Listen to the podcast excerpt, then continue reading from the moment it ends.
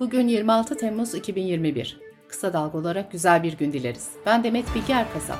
Gündemin önemli başlıklarından derleyerek hazırladığımız Kısa Dalga Bülten başlıyor. OECD'nin hükümetlerin karnesini çıkardığı raporda Türkiye adalet ve eğitim hizmetlerinden halkın duyduğu memnuniyette son sıralarda yer aldı. Rapora göre Türkiye'de vatandaşların adalete güveni 2010'dan 2020'ye kadar geçen sürede 22 puan birden gerileyerek %38'e düştü.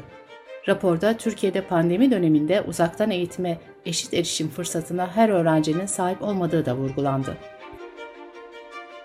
CHP İzmir Milletvekili Murat Bakan, İzmir'de bulunan Harmandalı Geri Gönderme Merkezi'nde işkence ve kötü muamele yapıldığı iddialarını dördüncü kez meclis gündemine taşıdı.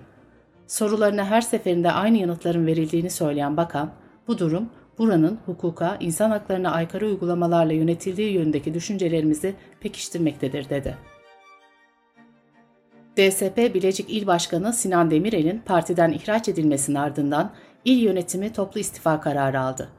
İstifaya Genel Başkan Önder Aksakal'ın tavrının neden olduğunu öne süren Demirel, Kıbrıs'a da gitti, ne yaptı orada, merhum Ecevit'in adını bile anmadı.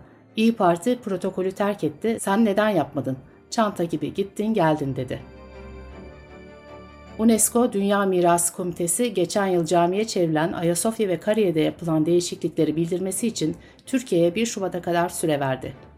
Dışişleri Bakanlığı ise Ayasofya ve Kariye Türkiye Cumhuriyeti'nin mülküdür, tarihi, kültürel ve dini değerler bakımından titizlikle korunmaktadır yanıtı verdi. Boğaziçi'li akademisyenler eski rektör Profesör Doktor Melih Bulu başta olmak üzere vekaleten atanan yöneticiler ve YÖK Başkanı Profesör Doktor Yekta Saraç hakkında görevlerini açıkça kötüye kullandıkları iddiasıyla suç duyurusunda bulundu. A Milli Kadın Voleybol takımı 2020 Tokyo Olimpiyatlarında B grubu ilk maçında son olimpiyat şampiyonu Çin'i 3-0 mağlup etti. Milli tekvandocu Hakan Rençber ise 68 kiloda bronz madalya kazandı. Ankara'da Atatürk Orman Çiftliği arazisinde yangın çıktı. Bir kişi kundaklama iddiasıyla gözaltına alındı. Bültenimize COVID-19 haberleriyle devam ediyoruz.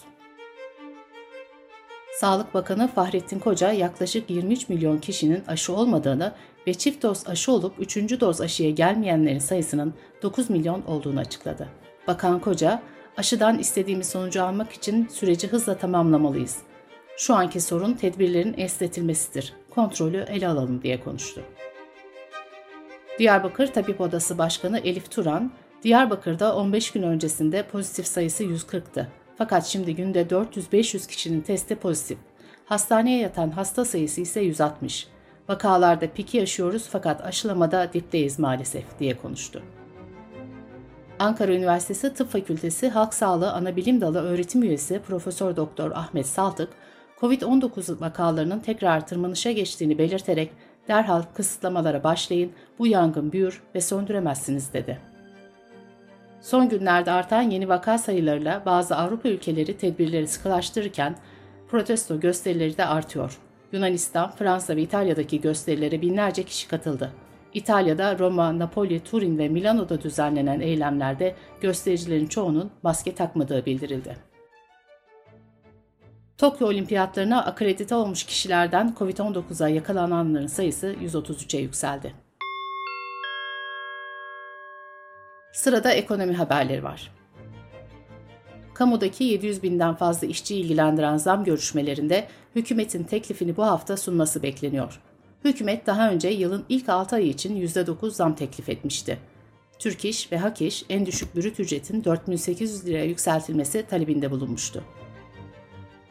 CHP Genel Başkan Yardımcısı Veli Ağbaba'nın verdiği bilgilere göre Mayıs'ta iflas eden esnaf sayısı 3893 iken Haziran'da bu sayı %94'lük artışla 7568'e ulaştı. Mayıs'ta kapanan şirket sayısı 56 iken bu rakamda Haziran ayında %116 artışla 1226'ya yükseldi. Birleşik Kamu İş Konfederasyonu'nun ARGE birimi Kamuar'ın 4 kişilik bir aile için yaptığı hesaba göre açlık sınırı Temmuz ayında 3513 lira, yoksulluk sınırı ise 12195 lira oldu. Türkiye Esnaf ve Sanatkarları Konfederasyonu Genel Başkanı Bendevi Palandöken, esnaf ve sanatkarlara sıfır faizli uzun vadeli can suyu kredisi verilmesini talep etti. Dış politika ve dünyadan gelişmelerle devam ediyoruz. Afganistan'da hükümet artan şiddet olayları nedeniyle ülkenin geniş kesimlerinde sokağa çıkma yasağı uygulaması başlattı. ABD yönetimi ise Afgan mülteciler için 100 milyon dolarlık fon oluşturdu. ABD Savunma Bakanı Austin, Afganistan ordusunun ülkede Taliban kontrolündeki bölgeleri geri almadan önce ilk yapması gerekenin Taliban'ın hızını yavaşlatmak olduğunu söyledi.